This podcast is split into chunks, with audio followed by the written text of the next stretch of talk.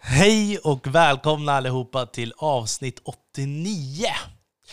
I dagens avsnitt så träffar jag konstvetaren och entreprenören Daniel Dabossi. Och ni vet när man träffar en sån här person som bara får samtalet att flyta på så himla bra för att det finns så himla mycket spännande historier. Och det var exakt det som hände här. Och eh, det var otroligt skönt att få träffa en person som är så här rik på erfarenheter och så mycket stories att berätta så att man bara Ja, det var väldigt bekvämt helt enkelt nu när jag faktiskt inte har haft några gäster på ett tag.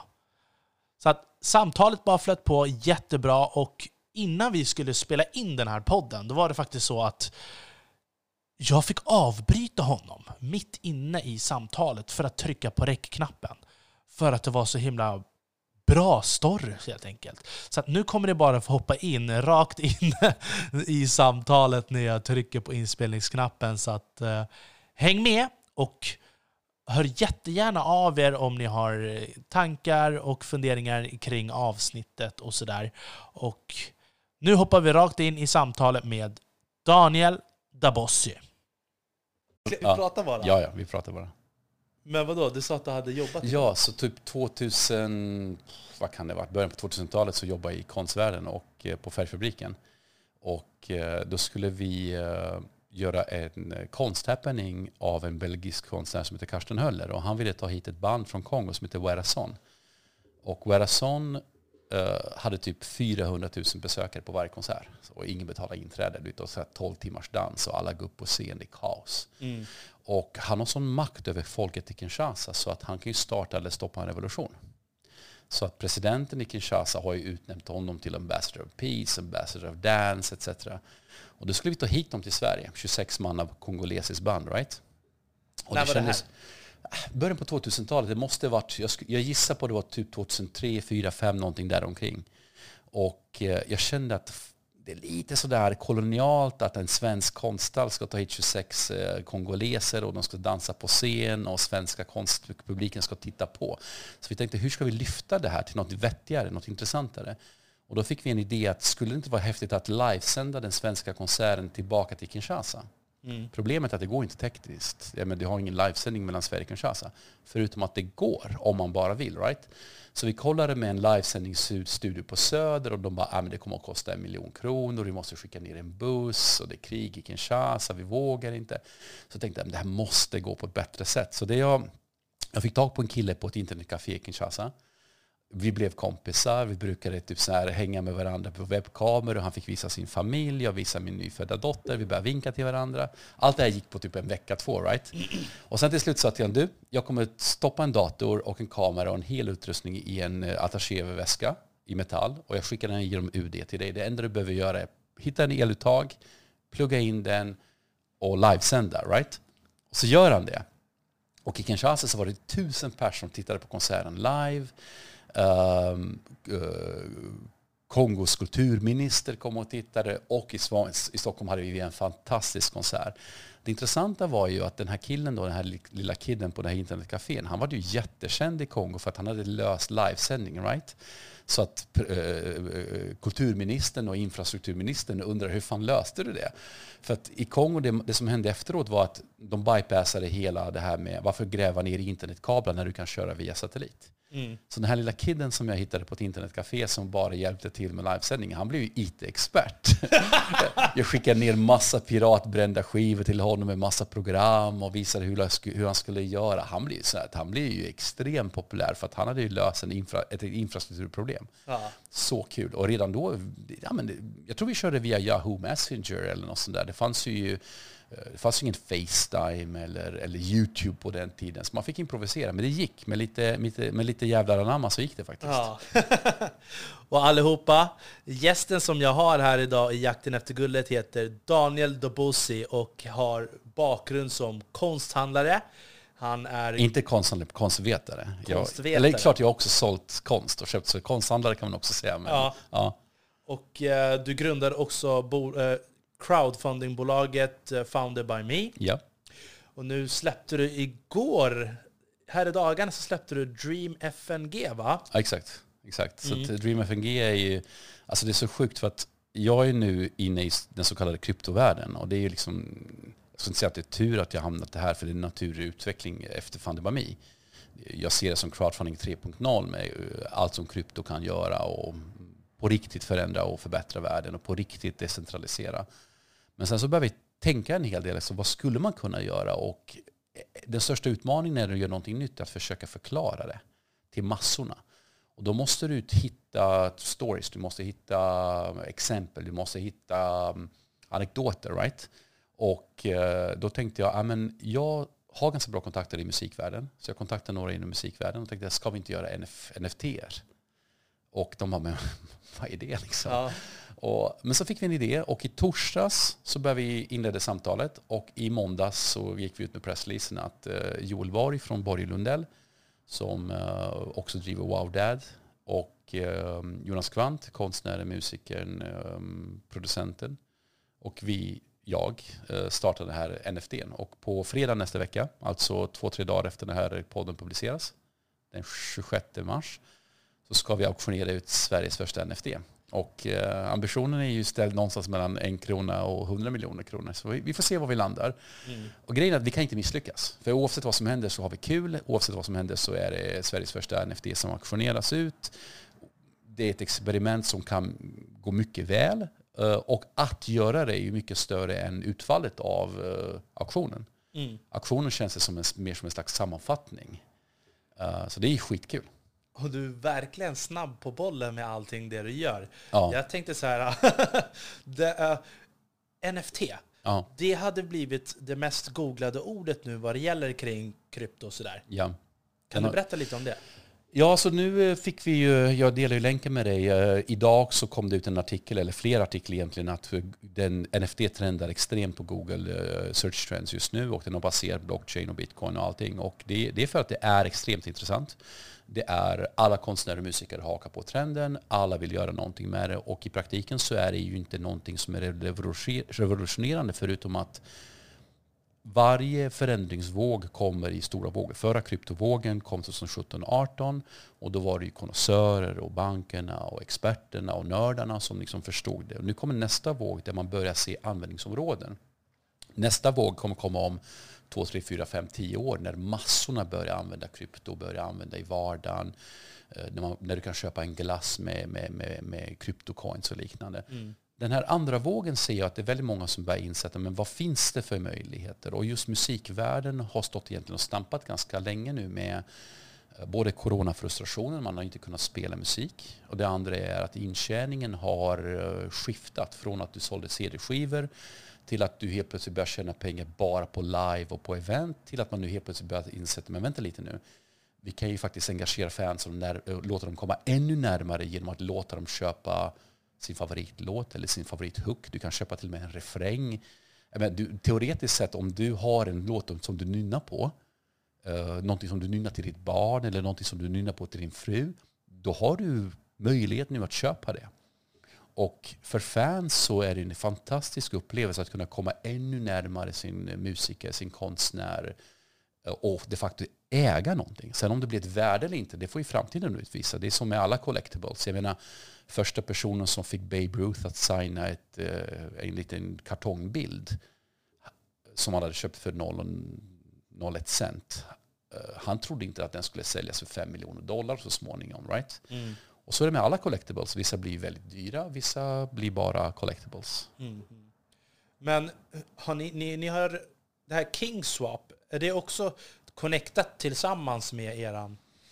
Eh, inte, alltså Kingswap är tre saker. Dels är det ett eget mynt, en egen cryptocurrency som lanseras 31 oktober. Uh, sen är det en teknisk lösning och som alla cryptocurrencies, om man säger så här, det finns 8600 kryptomynt där ute i världen. Och alla tog in kapital på ett löfte. Bitcoin, ethereum, alla de här har ju lovat någonting. Mm. Sen har ju vissa lyckats leverera. Ethereum till exempel har lyckats leverera på sitt löfte.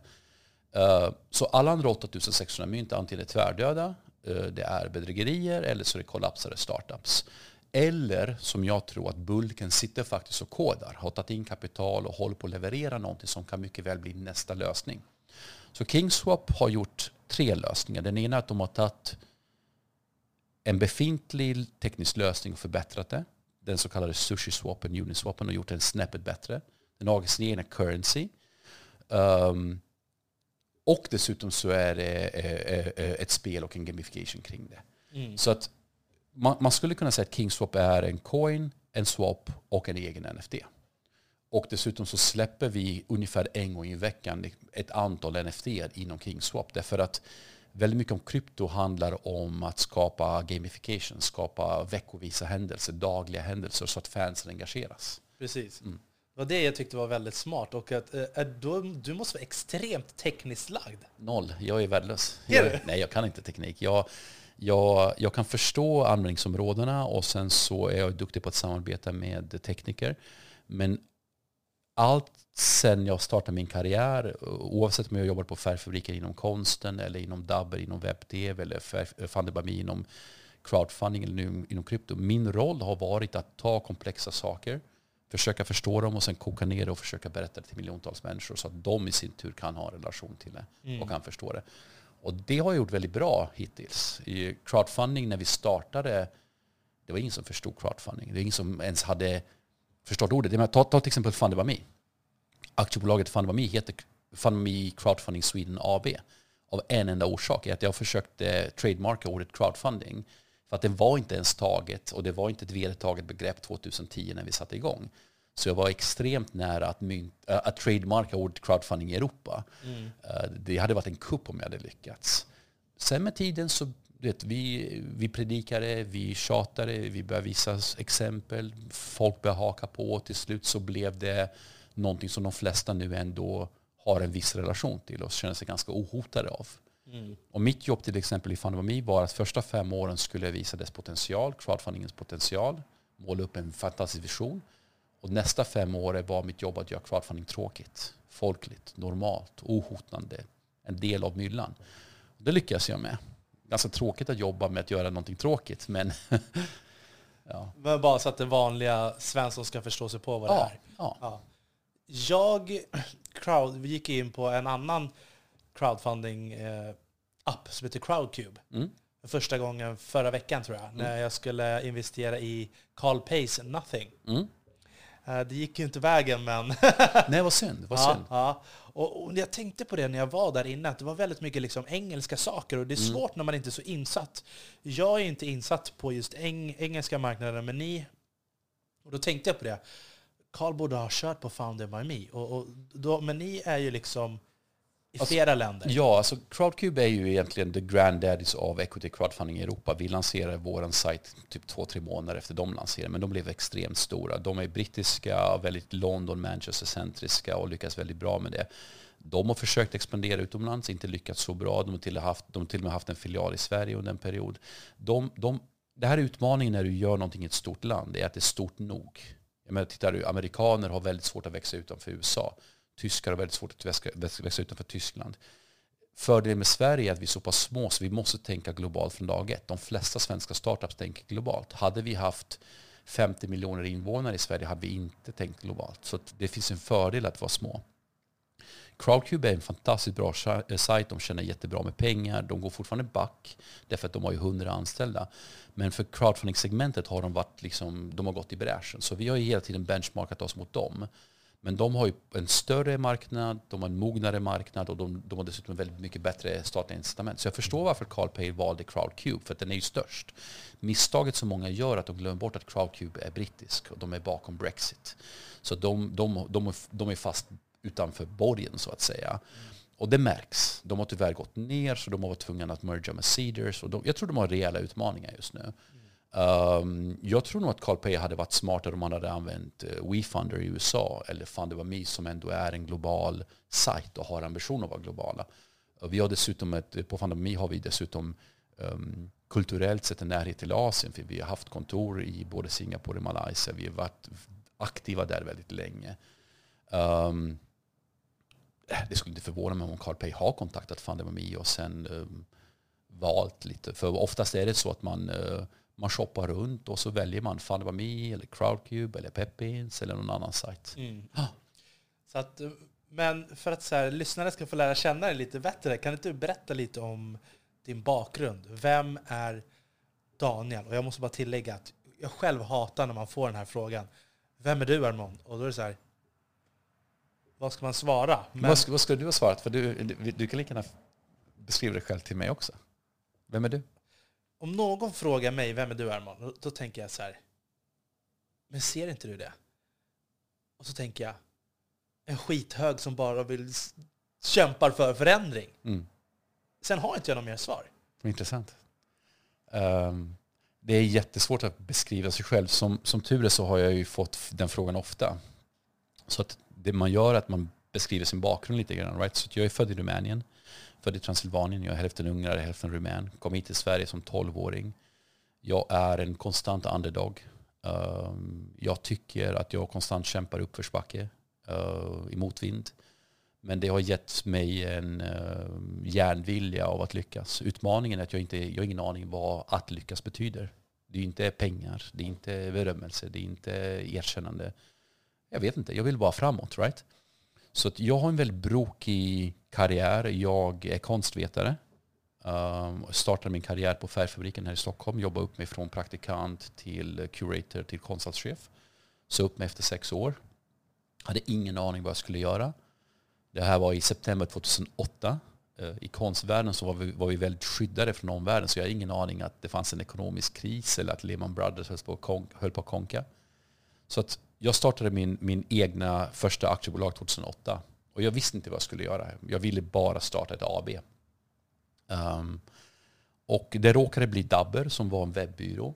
Och jag och min kollega Erik Weber, vi eh, i citattecken upptäckte, upptäckte den här eh, iPhone-estetiken, den här Cowerflow-estetiken. Alltså att du kan bläddra i content på ett annat sätt än, uh, än på internet. Internet är byggt av ingenjörer där vi än idag byter sida. Vi bläddrar, right? Mm. Men internet är egentligen ett universum.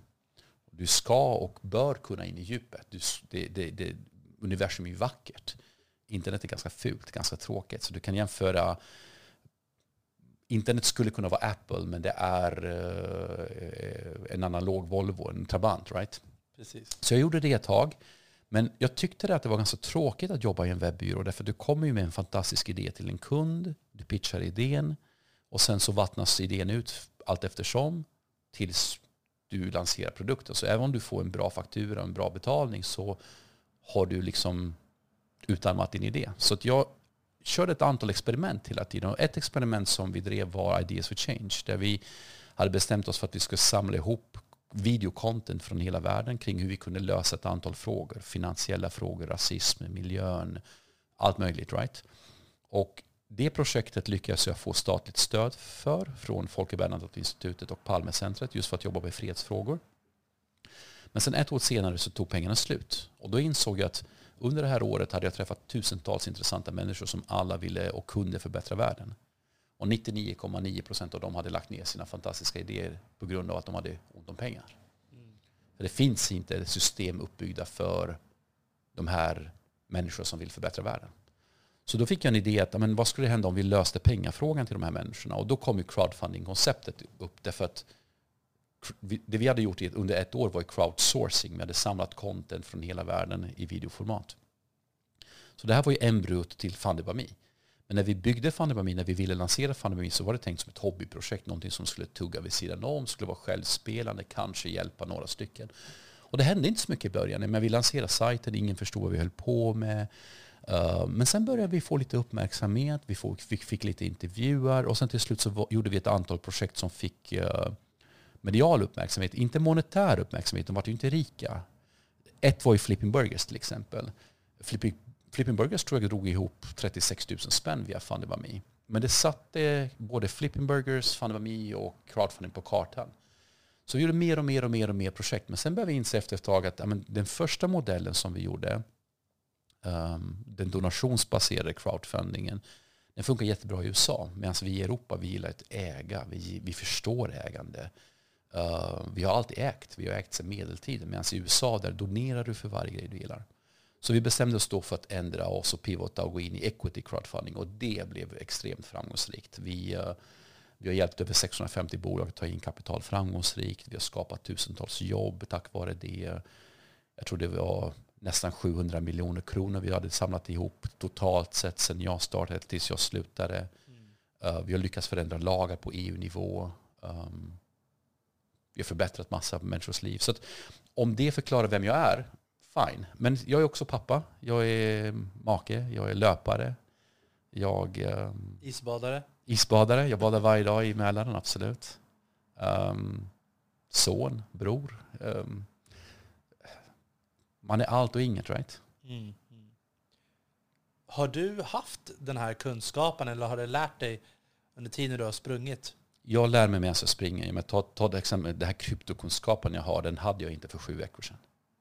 Så pass lite har jag. Så att jag, jag, du vet hur det är, när man gillar någonting så absorberar man all kunskap som finns. Right? Och jag är ganska duktig på att bli passionerad. Och när jag är passionerad, men då suger jag åt mig som en svamp.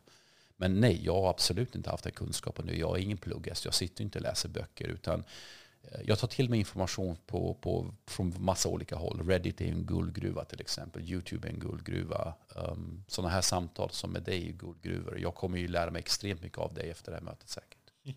Du är snäll. Du har ju varit med i Framgångspodden och flera Investpodden. Mm. Jag har ju liksom, jag har ju följt det ett bra tag. Jag vet mm. inte om du har, har märkt det, men jag hade ju... Jag har inte sett att du följt mig. Hade jag gjort det så hade jag ringt polisen. Nej, men, jag har ju följt Founder by Me och jag har sett dig, jag har hört dig i diverse poddar. När jag ville lära mig hur en investerare tänker så började jag liksom söka på investpoddar och så hittade jag Investpodden och jag älskar hon Ronja Kapoke, jag vet inte mm. hur man säger mm. hennes efternamn. Men Köpke tror jag. Köpke, mm. ja.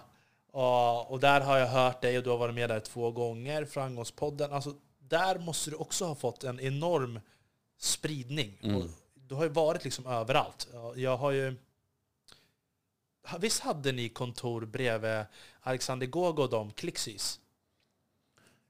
Eller? Mm, kanske. Vad, vad, ja, vad, menar du på Epicenter eller Sub 46? Eller? Nej, var inte ni där nära Karlaplan? Vi hade ett kontor på Skeppargatan under en period. Uh, vi satt där i början. Um, inte nära Karlaplan, där har vi nog aldrig suttit. Men i Skeppargatan är ändå relativt nära Karlaplan. Ah, det är mer nära Strandvägen. Ja. Mm. Mm. Okej, okej. Ja. Ja, hur som haver, du har varit överallt. Och, och, men hämtar du också information från poddar och sådär? För jag tycker att jag vill ju liksom... Ja, inte så mycket. Och det, det är för att jag har inte tid. Och min, min attention span är väldigt uh, kort. Um, så att jag lyssnar på poddar, absolut. Jag har ju favoriter och då zonar jag in i favoriter. Men när, när jag gjorde Framgångspodden då satt jag säkert och lyssnade på alla Framgångspoddar som fanns på och då var jag inspirerad. Men sen så fasas man ut. Nu, nu, nu lyssnar jag väldigt mycket på Tankesmedjan till exempel för jag tycker det är kul, det är rappt, jag får till mig lite politik så slipper jag läsa om politiken. Jag har några som kurerar contenten åt mig. Mm. Eh, men just nu är en period där jag har extremt lite tid. Dels så jobbar jag som chef för ett bolag i Singapore som i sin tur har sju bolag under paraplyet. Så tidszonen är en utmaning. Och sen asiater har en helt annan arbetskultur än vi. Men de, de har ingen respekt för helger eller kvällar eller någonting utan vi köttar. Right?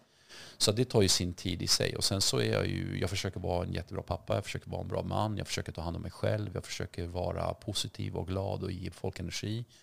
Um, jag försöker hinna med min mamma och pappa och min syster, knappt. Uh, jag har en hund. uh, så att det är väldigt svårt att hitta den här timmen när man sätter sig och lyssnar. Men sen reser jag också väldigt mycket och det gör ju att man just på flighter och på i transit, ja, men då, som en del i avslappningen så sätter man på en podd och då mm. fastnar ju säkert någonting. Men Reddit, där får jag extremt mycket information av just nu. Okej, då ska jag börja med Reddit. Och Reddit är så här, jag hade svårt att komma in i det, men när jag väl kom in i det och förstod eh, potentialen så är det så här, det är i kommentarsfälten guldet finns. Till exempel, jag jag visste att GameStop skulle rusa bara på data jag hade och jag har sedan dess tänkt hela tiden, okej, okay, vilken är nästa våg och hur ska jag göra för att inte missa nästa våg? Så när det här kryptovågen började ta fart i, i höstas um, och jag sa upp mig från, från Fandebami så började fundera, men vad skulle jag vilja göra med mitt liv? Och det var ju inte lätt. Jag menar, du frågade innan, vem är jag? Väldigt mycket av min identitet var ju kopplat till Fandebami. Så när jag sa upp mig så var det så att, vem är jag? Varför sa du upp dig? Uh, många skäl, men också för att dels har jag kommit och gjort tio år, right? och sen Fundami har blivit ett bolag som är börsnoterat, det är seriöst, det är långsamt, det finns inte plats för sådana som jag som har energi och vill förändra och förbättra världen. Right? Nu ska vi söka lönsamhet och det, det kräver en annan typ av, av ledarskap. Um, men utmaningen har också varit att vi har ju varit noterade i två år. Vår notering gick inte så bra. Vår kurs kollapsade på första noteringsveckan för att vi hade några som dumpade aktier och det skadade oss enormt. Vi har inte återhämtat oss. Jag är en person som vill vara öppen och transparent och i noterad miljö får inte vara utan du måste kommunicera på vissa sätt. Um, du måste antingen kommunicera till hela marknaden eller ingen. Och det, det gör en utmaning. Du kan inte bara instagramma någonting. Mm. Du kan inte säga att du har en dålig dag därför då tolkar folk som att, du har en då, att kursen har en dålig dag. Så det, det, det, var en utmaning. Och sen i och med att kursen rasade så mycket så var det väldigt mycket dödshot och mycket arga människor som förlorade pengar och folk som hade trodde de skulle bli miljonärer och förstod inte konceptet. Och även om många har tjänat pengar och blivit miljonärer på Fanbami-resan så var det några som var väldigt arga och det var en utmaning att leva med. Så att jag hade väldigt många skäl varför jag sa upp mig men det var främst för att jag kände att min, just den resan var över. Jag hade gett det tio år, jag hade gjort mitt bästa, jag lämnat ett stabilt bolag, jag känner att bolaget är i goda händer. Eh, och Eh, det kom också ett tillfälle där jag kunde säga upp mig. Men jag kan också säga så här att jag sa upp mig på en fredag och på onsdagen, dagen, två dagar innan, hade jag inte ens tanken att säga upp mig. Så det gick också väldigt fort. att När jag väl, när jag väl bestämde mig, ja, men då, då, då gick det extremt snabbt. Och jag är lite grann sån, jag litar väldigt mycket på min magkänsla. Så att när jag känner att någonting är rätt, ja, men då går jag all in. Och när någonting är fel, då måste jag kliva av. Ja, alltså, så du är mer för att bygga upp istället för att bygga vidare då eller? Alltså, visst, jag är duktig på att bygga vidare. Och jag menar, eh, men absolut, att starta saker och bygga, eh, igångsätta, det är ju egentligen där min styrka ligger. Eh, och jag tror så att alla vi har ju kompetenser för alla möjliga olika kompetenser och roller. Men jag tror det händer ju någonting i, i ens huvud och ens karriär när man kommer till vissa givna punkter. Ett år i en startup, fem år, tio år när du har noterat ett bolag, när du har nått en viss milstolpe. Du, du börjar fundera på, menar, så som i resten av ditt liv, right? när man fyller 30, när man fyller 40, när man varit ihop med någon i två år, 10 år, 20 år. Man börjar fundera, liksom, typ, vill jag göra det här 20 år till? Jag menar, jag firar 20 år nu med min fru häromdagen. Och jag är absolut beredd att göra 20, 40, 60 år till, right? Mm. Men jag tror att många människor tänker ju i sådana tillfällen, är jag nöjd eller vill jag förbättra något? Är jag nöjd eller måste jag förändra någonting? Och det gör man ju också inom företagande. Och särskilt om det är, ditt, det är ditt företag, då måste du fundera. Är jag rätt för företaget eller kan det vara så att jag hindrar företaget? Mm. Uh, och det finns inget svar för det, det finns inget rätt eller fel. Men man, det är klart man funderar på de tankarna. Hur har de varit liksom så här, hur många gånger har du blivit tvungen att förnya dig själv under hela den här resan? Och hur har det varit att hantera flera olika kulturer på en och samma gång? Jag försöker förnya mig varje dag. Jag är extremt nyfiken. Jag tycker det finns spännande saker hela tiden. Och, uh, um, jag har också blivit väldigt bra på att förstå olika kulturer. Till exempel, jag kan åka ner till Dubai och förhandla med uh, någon och sen eh, en timme senare käka middag med en shejk. Så jag har inga problem med det. Och de tenderar att tycka om mig.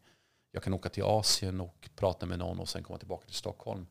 Så jag tror någonstans, och här kan du säkert du dela med din bakgrund, att vi som har ett mångkulturellt bakgrund, som kommer från eh, platser där vi inte är homogena, vi, vi, har, vi har en tendens att vara lite bättre på att anpassa oss till kulturella förändringar. Um, därför att vi har ju aldrig haft en identitet som är rotad i eh, en geografi eller en, en, en, en ansiktsfärg eller en uh, stad. Right? Vi är mer rotade i en mental identitet eller en ideologi mer än, än, än oh, jag är eh, göteborgare. Right? Mm, mm. Alltså jag personligen känner ju att till exempel när jag bodde i Thailand, då tyckte jag att jag kunde connecta med människor från hela världen mm. för att jag var svensk. Mm. Och sen när jag kommer hem till Sverige så förstår jag inte varför man inte använder det. Mm. Jag kunde connecta med hela världen för jag var svensk. Mm. Jag kände till alla kulturer, mm. deras maträtter.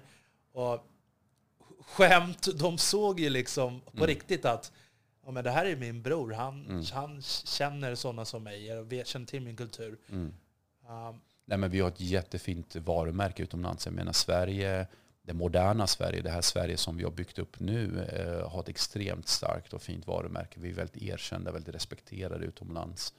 Ehm, um, svensk företagande um, uppmärksammas till och med av våra grannländer och de, de, de kan inte kopiera. Men norrmännen har extrema problem just nu med företagen och entreprenörskap till exempel.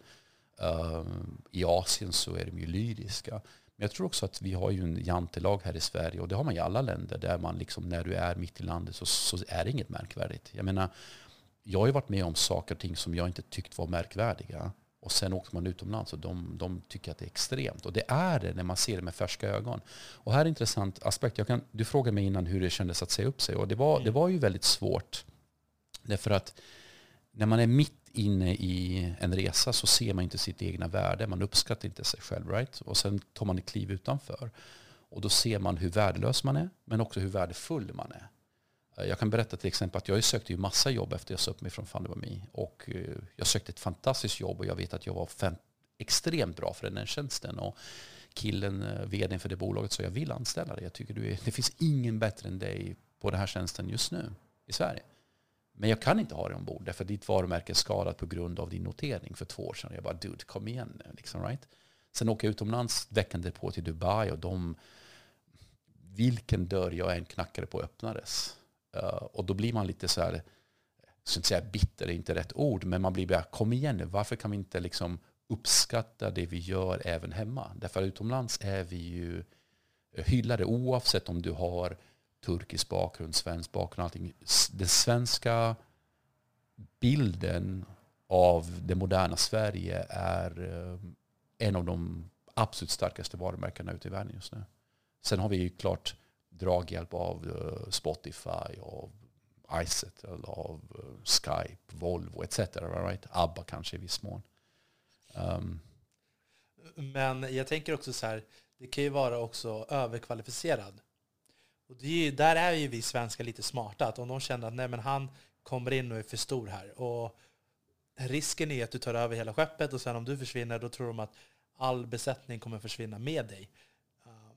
Jag har känt exakt samma sak som mm, dig. Mm. Så att jag förstår exakt vad du menar. Men vad gjorde du sen då? Nej, jag, alltså man tar ju, alltså, eh, jag sökte massa jobb. Eh, jag hade massa idéer. Ehm, jag försökte hitta mig själv. Jag hade tur att jag umgicks med ett antal bra människor som gav mig bra input. Ehm, jag hittade mig själv lite grann i och med att jag, ehm, jag ägde väldigt mycket tid åt, eh, åt mig själv. Jag gjorde alla möjliga sorters grejer som reste, träffade folk, tog mig tid.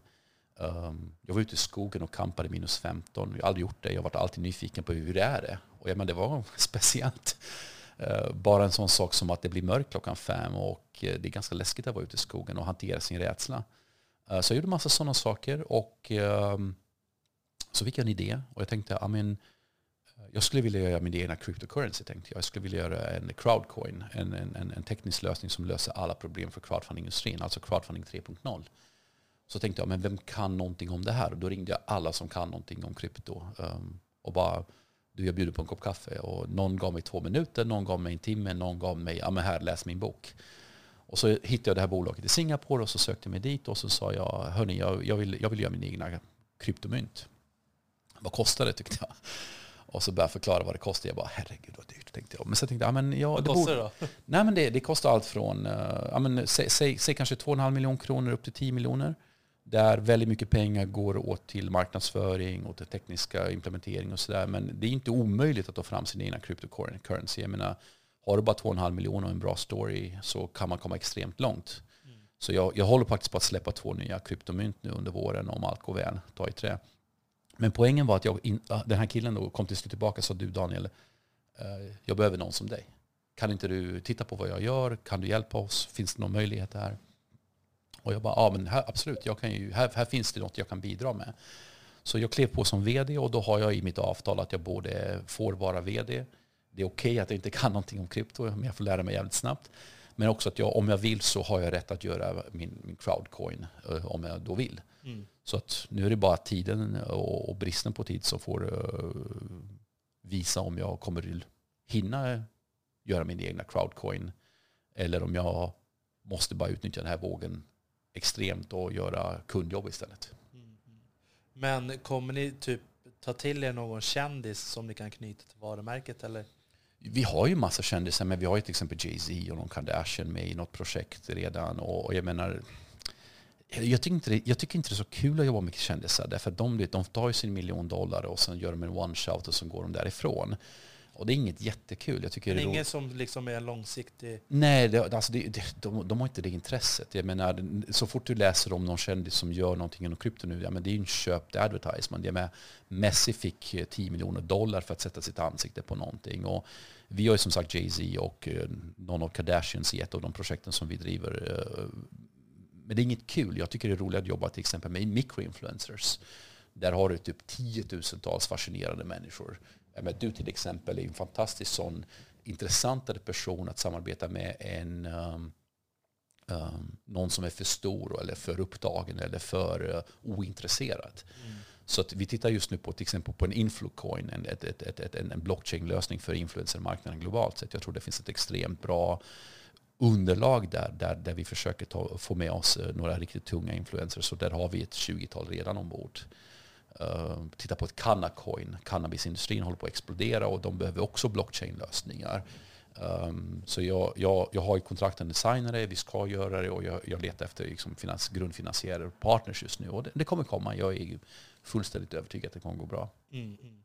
Jag har ju en, en vän som, han, han åker ju runt nu i världen och intervjuar folk om just kryptovalutor och grejer.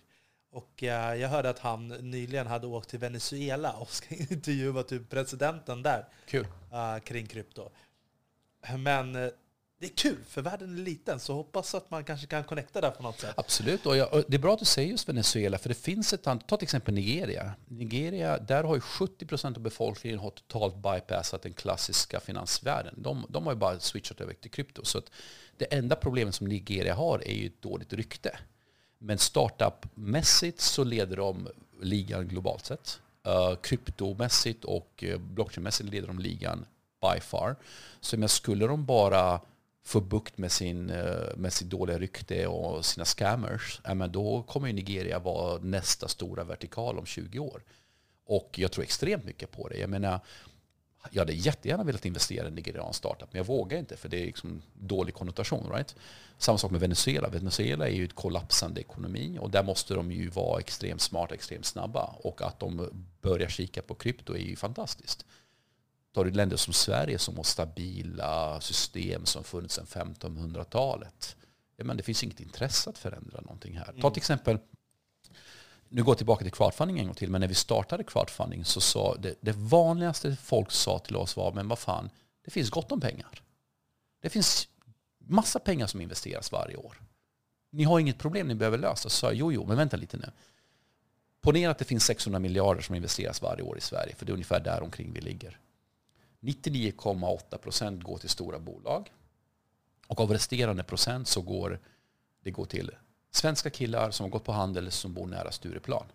Så är du tjej från Borås plus 40, då är det knappt någon chans att ta in kapital. Har du dessutom fel efternamn eller eh, har fel utbildning, men då har du ingen access till kapital. Så att det är ett system som funkar, men ändå inte funkar. Det är samma sak med den svenska valutan eller det svenska finansiella systemet. Det funkar extremt bra. Det är en av de bästa systemen i världen. Och folk ser det som en förebild. Men det funkar inte för alla och det funkar absolut inte för framtiden. Mm. Och det är där alla de här kommer in. Och problemet som jag ser och utmaningen är att är man inte snabb, är man inte lyhörd till det som händer så är ju risken att man blir omsprungen. Som tur är till exempel så har vi ju ett extremt bra finansdepartement i Sverige som är väldigt lyhört. Det är ett litet land så de lyssnar ju jättemycket på startup-segmentet. Så tittar du på crowdfunding till exempel där har ju svensk politik varit väldigt positiv och väldigt hjälpsam och lyssnat och till och med tagit fram en egen gräsrotsutredning. Medan andra länder som säg Finland eller Singapore har varit nej, det här är ingenting för oss. Mm. Så har du länder som säg Italien. Italien var ju först i världen med fantastiskt fina crowdfunding-lagar. Men hade svårt att tillämpa Ja, mikrofonen närmare dig lite Ja. kanske. alltså. Mm. Nej, alltså. Men sen så tittar man på varför bitcoin blev så himla stora. Mm. Och det var väl dels för att ingen tror ju på dollarn längre för de bara har tryckt så himla mycket pengar. Mm. Och tror du att det, det bästa, när tror du att det kommer komma en kryptovaluta till USA som kommer dominera USAs? Ja, den har ju kommit för länge sedan. Alltså, som sagt, du har ju 8600 valutor. Bitcoin har just nu ett väldigt gott rykte. Men bitcoin är inte optimalt. Ethereum har ju varit väldigt, väldigt bra på att skapa tekniska lösningar och också fått ett gott rykte. Så att så som med alla valutor så är allting handlar i tron på dess stabilitet. Um, det finns ett antal orsaker varför bitcoin rusar just nu. Ett antal orsaker. Och de flesta, den absolut bästa orsaken är ju att miljontals människor vill ha någonting annat än det befintliga systemet. Och någonstans, eh, tittar du historiskt sett så är ju folket har ju den absolut största makten. Men ett kuvat folk tenderar att vara tyst. Du kan vara kuvat av rädsla, som i Sovjet eller under Hitlertiden. Du kan vara kuvad som i Sverige, att du är kuvad av eh, ett system som är gjort att vi ska vara tysta skattebetalare, där 99% av samhället ska jobba och vara tyst och betala skatt. Det är också en viss kuvning, right?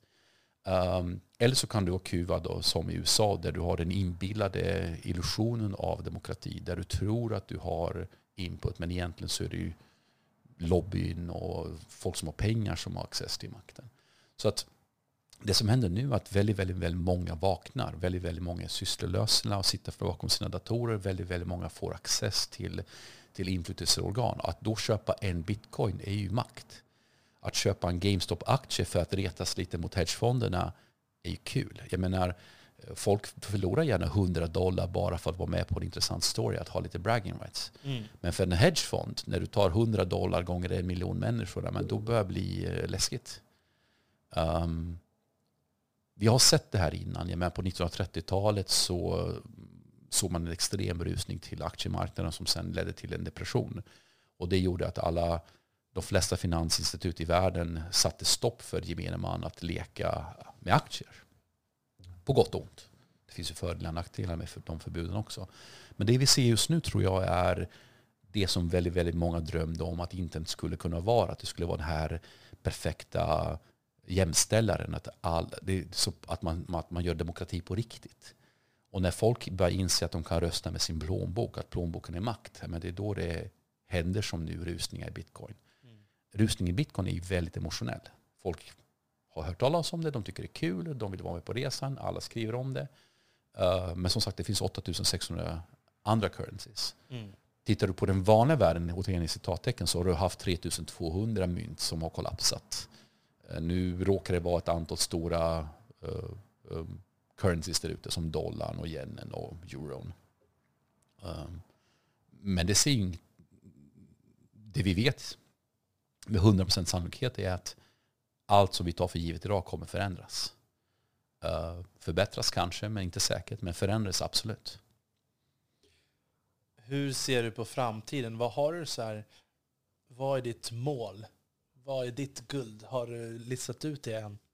Nej, nej, jag vet inte vad som driver mig. Jag tror att jag drivs väldigt mycket av actionet och förändringsarbetet. Men det jag gillar är när jag ser Eh, förändring på riktigt. Till exempel det här som jag pratade om jämställdhet inom finansvärlden.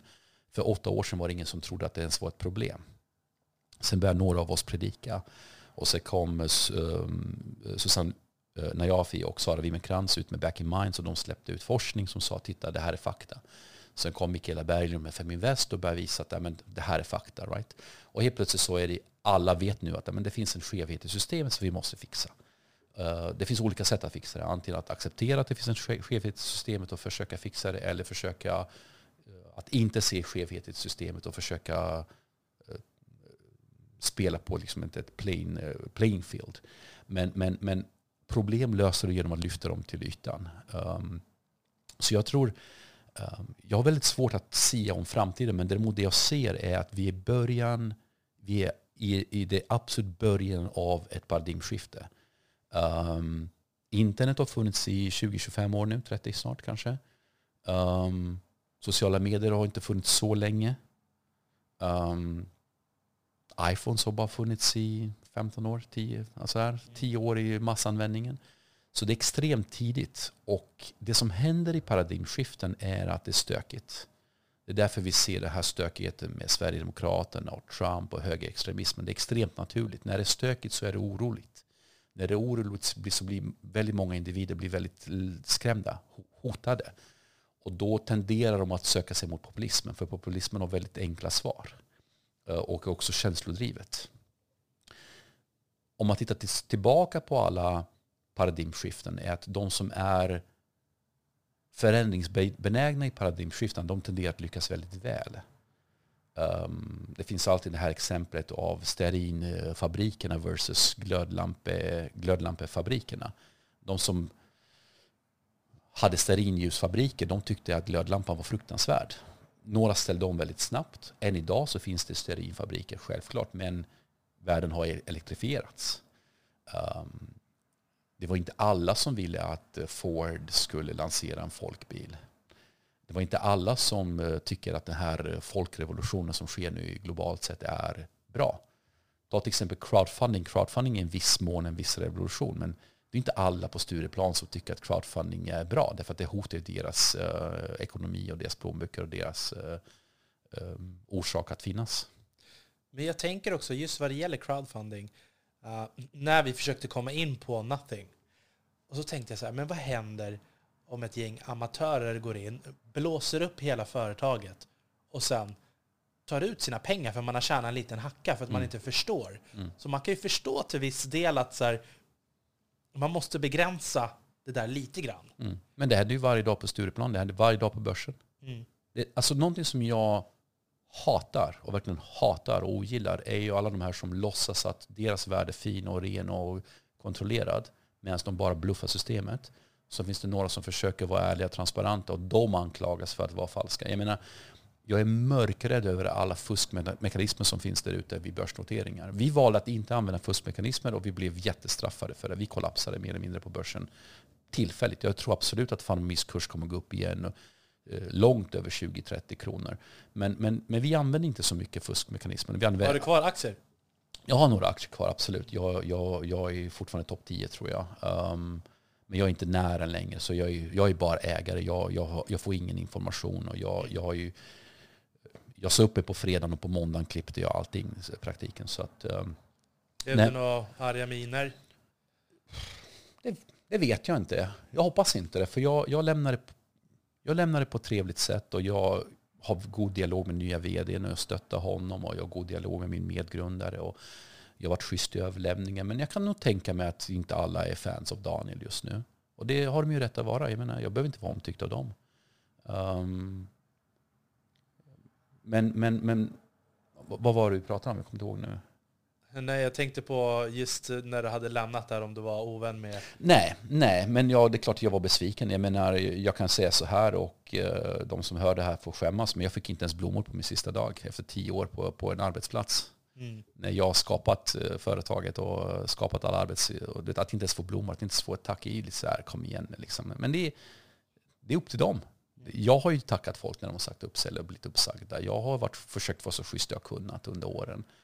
Och att ingen uppmärksammar det, inte ens min, min, min partner, min kollega. Det är, det är klart det gör lite ont i magen, det är klart jag blir ledsen. Men det är deras beslut, det är deras val. Så jag kan inte liksom klandra någon för någonting de har gjort. Jag kan bara hantera mina känslor kring deras beteende. Men deras beteende står de för. Right? Mm. Och så är det med väldigt mycket i livet. Det är att du kan bli sur på din partner eller så kan du hantera dina känslor kring någons beteende. Har ni, så ni har, har ni haft något så riktigt hot inne i företaget när ni har jobbat eh, på något av dina bolag? Hot? Ja, alltså jag hade ju... Ja, men när, man, man, när man gör en SOT-analys, då brukar hotet ofta komma inifrån. Att någon inte håller med någon och så kan det liksom hämma affärerna.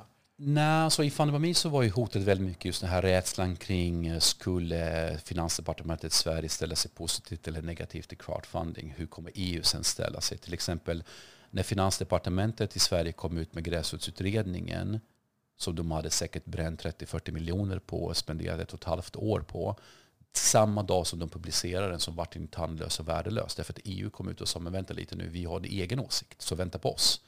Så att det har ju varit ett hot som vi var rädda för. Vi var ju också rädda kring att tänk om någon av våra anställda eller någon av våra kunder bryter mot lagen trots att vi talar om för dem var gränsen går och vad de får och inte får göra. Det är något som vi har varit jätterädda för. Vi har varit rädda för att någon av våra branschkollegor ska bete sig illa. För det har ju hänt. Det har varit flera branschkollegor internationellt sett som har gjort olagligheter och det har skadat segmentet. Sånt har vi varit jätterädda för. Vi har inte varit så mycket rädda för intern, eh, interna hot för vi har varit ganska, haft ganska bra koll, eller riktigt bra koll på vad vi ska göra, hur vi gör det. Och eh, jag byggde ett team. Jag har inte haft en top-down chefskap utan för mig har det varit sådär att jag vill bygga ett team och teamet ska dra framåt, teamet ska veta vart vi ska och vi vet inte riktigt hur vi tar oss dit utan allt är okej. Okay. Så det är okej okay att improvisera, det är okej okay också att göra misstag. Vi tar winsen tillsammans, vi tar förluster tillsammans. Och jag, jag till exempel aldrig slängt någon under bussen och sagt att det är eh, Sven Svenssons fel. Right? Utan det är vårt fel, det är hela teamets fel. Och i slutändan är det jag som vd som bär ansvar för alla misstag vi gör. Därför att det är under min ledning. Right? Mm. Um, så de hoten har vi varit rädda för. Och just att men tänk om vi satsar alla med pengarna, allt det här och så kommer det något finansdepartement i något land och bara säger nej tack. Um, eller som sagt att någon av våra kunder eller någon av våra anställda av misstag eh, säger något som de inte får säga. Till exempel ger finansiell rådgivning eller annat. Mm. Och Var känner du att du har fått liksom, var, var någonstans har du utvecklats som mest? På vilken plats har det varit? Ja, fan det var med absolut. Men även, även färgfabriken innan dess. Jag tycker alla, alla projekt jag har gjort som har varit um, osäkra, där man inte vetat starten och, och, och, har varit extremt lärorika. Och även, eh, men, men jag har nog lärt mig mer av misstagen jag har gjort under åren än av, av våra wins. Det har jag nog. Misstagen tenderar att vara en betydligt bättre uh, läxa. Men alltså jag har ju hört, uh, när jag har lyssnat på poddar om dig, som, som jag sa innan, uh, att konstvärlden gav dig otroligt mycket för att du inte hade några begränsningar där. Mm. Kan du berätta lite om det? Ja, konstvärlden är inte egentligen det jag brukar berätta om, utan jag brukar berätta om Färgfabriken som, som skola. Färgfabriken är och var en symbol för uh, uh, den så kallade konceptuella samtidskonsten. Och i konsten så är egentligen allt möjligt och inget är möjligt. Men det absolut intressantaste i konstvärlden är att det är extremt mycket människor som konstant letar efter nästa steg. Alla försöker vara lite bättre och lite intressantare, lite smartare. I finansvärlden har du inte riktigt det. I finansvärlden tenderar 90% att vara fast i det gamla. Så här har vi alltid gjort. Det här är ett system som verkar funka. Jag får min lön, jag går hem. Right? Men i konstvärlden har du extremt mycket sökare. Folk som hela tiden tänker hur ska det här göras bättre? Och du får inte vara lika bra. Du får inte vara likadan som den förra veckan. Right? Så det är en konstant förnyelse även i konstvärlden så är det 70-80% är ju likadant och 70-80% är ju bara konst man hänger på en vägg som utsmyckning. Men sen har du de här våghalsarna och i konstvärlden så är det okej okay att vara våghalsig. Det är okej okay att vara lite annorlunda. Det är okej okay att vara visionär. Det är okej att vara drömmare. Det är okej att vara lite speciell. Right? Så det jag lärde mig på Färgfabriken var ju det här med att um, en konstnär kommer till dig med en idé.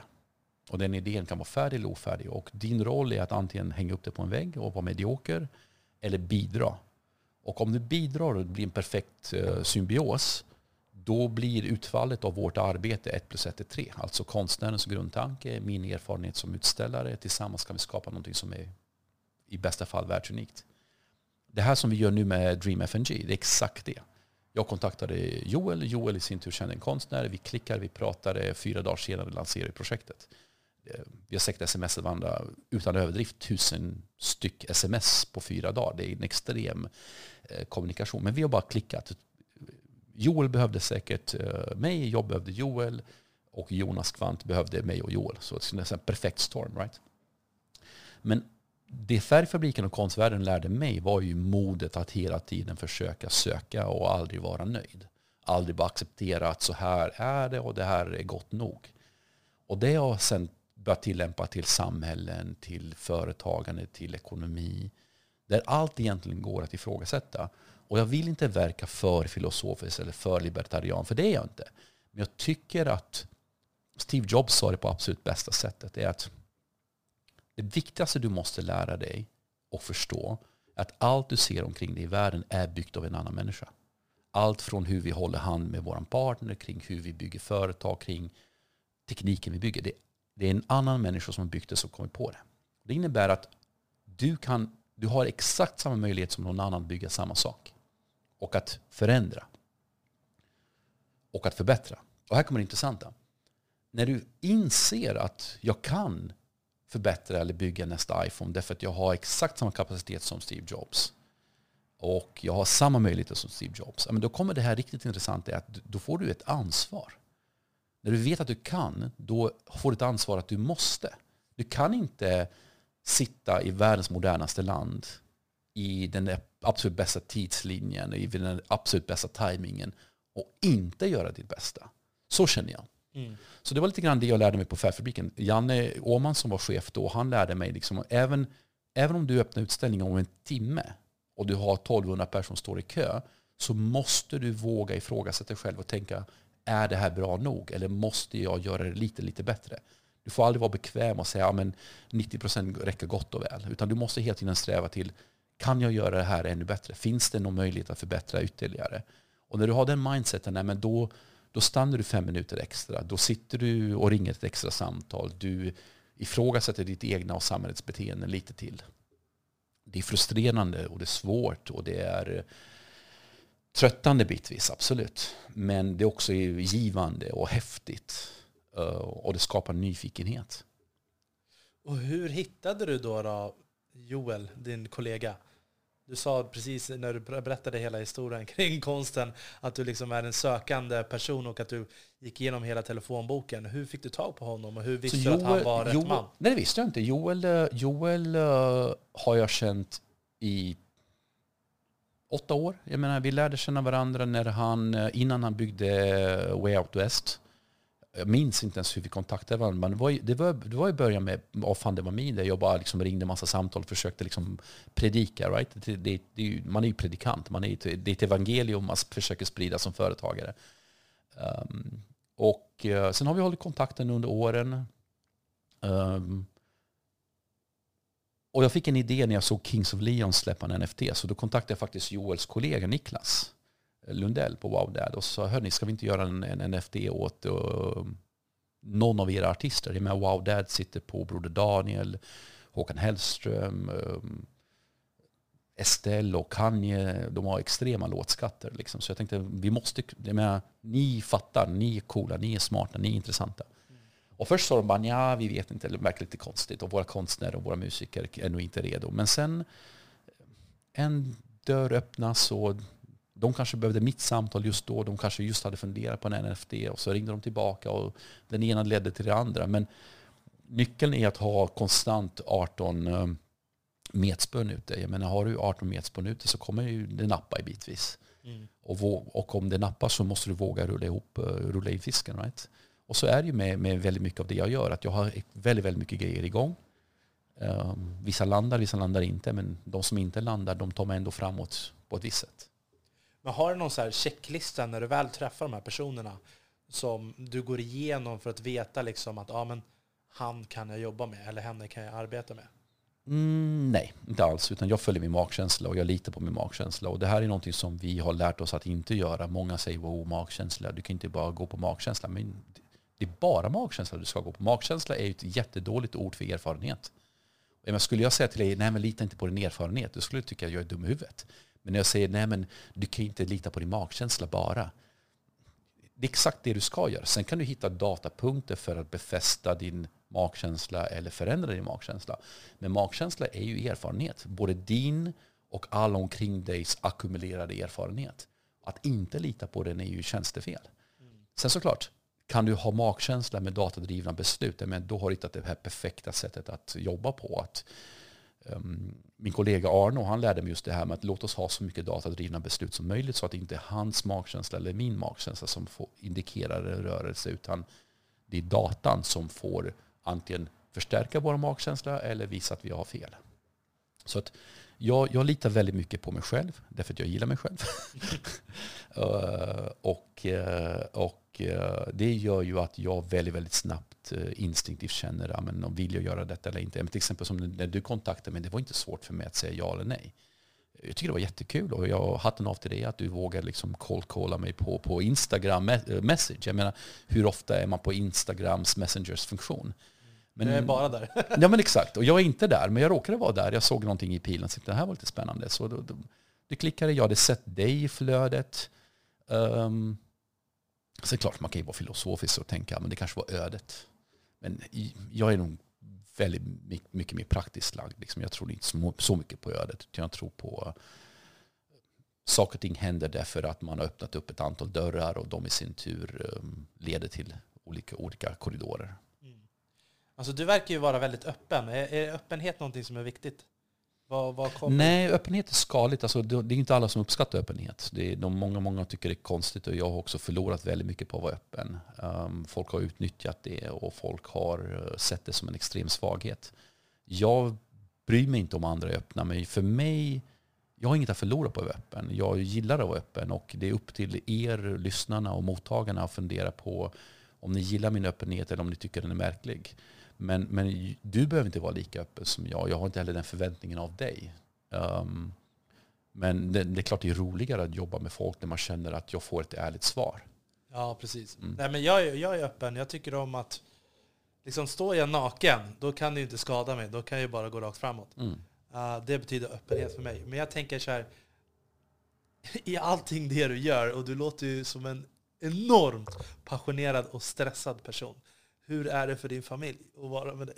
Nej, de älskar mig. Ja. Mm. Nej, men jag, jag är också mjuk och jag är också långsam och jag är också, jag tar mig tid. Och, um, nu har jag hängt jättemycket med min dotter till exempel. Hela veckan har vi jobbat tillsammans och jag är jättenära min fru och jag och hund. Men det är klart man, jag skulle vilja umgås med min mamma, min mamma och pappa och min syster till exempel. Jag hinner ju knappt och man har inte så mycket tid med, med vänner och sådär. Men, men uh, det är klart att min fru är med mig för att hon gillar den jag är. Ja, och det är klart att min dotter gillar mig därför att jag är hennes pappa. Uh, men jag är inte... Många tror att jag har ADHD, eller, men jag har, det har jag inte. Jag är bara extrem skön energi ibland när jag är passionerad till någonting. Men jag, jag, jag, blir också trött och jag kan också krascha. Och jag, jag, jag, jag kan också sitta och titta på Netflix sju dagar i rad. Jag har inga problem med det. Uh, och jag seglar till exempel. Och när man seglar så måste man ju sakta ner.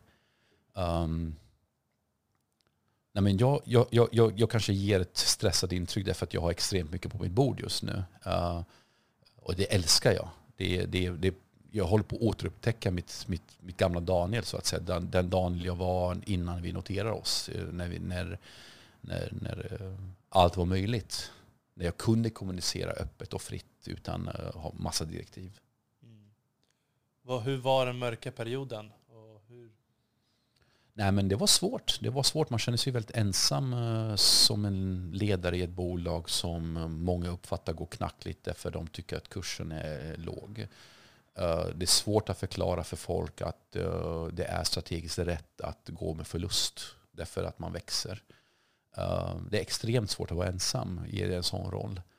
Och jag var ju väldigt nära min kollega Arno tills han flyttade till Afrika. Och, det, och även om vi är jättenära fortfarande, vi håller jättegod dialog, det är klart det, det, det saknas eh, när, när, en kulturbärare försvinner ur bolaget. Och det är bara jag som måste svara för allt. Och det är klart det är, en, det är svårt. Så ens, det, det är en extrem ensam roll. Och sen var det väldigt svårt för mig just på slutet i Funded att, äh, att, att, att, att, att vara tvungen att, att vara chef. Jag menar coronaåret var tufft. Jag menar i mars där så visste vi inte vart vi skulle. Skulle något bolag överleva? Jag menar, vilka ska du sparka? Ska du sparka alla? Ska du konka? Ska du, ska du kämpa lite till? Ska du ta ett eh, privatlån och gå in och betala folks löner? Jag gjorde det tre, fyra gånger det här året. Uh, min fru liksom tyckte, ska vi ta, är det en till miljon vi ska låna för att uh, betala någons lön? Någon som hatar dig på jobbet. Det är ju svårt. Ah. Men du gör det ändå, right? för du har ju den här ansvarskänslan. Så det, det, det är jätteläskigt. Det är ju det.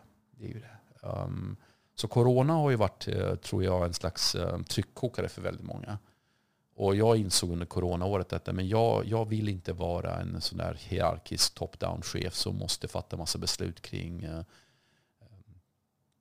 vem som ska få vara kvar på jobbet eller inte. Utan jag, jag, Jag vill vara passionerad. Jag är hellre själv eller omge mig med passionerade människor.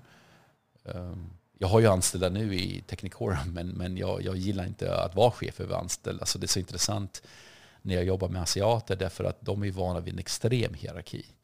Så kommer jag in och som någon slags platt svensk eh, ledarskapsstil som bara, äh, vi är ett team, high fives, fan vad du är grym. Eh, och de bara, men jag bara, jag bara gjort mitt jobb. Jag bara, ah, men du är fantastisk, du är en rockstar. De bara, va? Så det, det är lite, jag tror de gillar mig och jag gillar dem, men det är klart det är annorlunda mot deras kultur, absolut. Det är klart. De måste bli jätteförvirrade. Ja, det blir de. Men eh, är det så här, har du Zoom-möten eller reser du dit då till? Nej, Singapore kan jag inte åka till. Utan om jag skulle åka nu till Singapore så måste jag först övertyga i singaporianska staten att jag har ett värde i att vara där. Eh, de har extrem lockdown och sen när du kommer dit så måste du uh, bo på ett hotell som de anvisar och det kostar 25 000 kronor och du får inte släppa hotell, lämna hotellet i två veckor. Och när tiden har gått ut efter två veckor, inte ens då får du röra dig hur som helst. Så Singapore är lite svårt, så allt är ju på distans. Ja. Men Dubai är bra. Jag har varit i Dubai nu fyra gånger sedan december och det är ju jättepraktiskt att resa dit och jättecoolt och alla, alla är ju väldigt rena och det är väldigt säkert att resa dit. De har ju, tror jag, varit väldigt, väldigt smarta att hålla en slags, en slags städad öppenhet.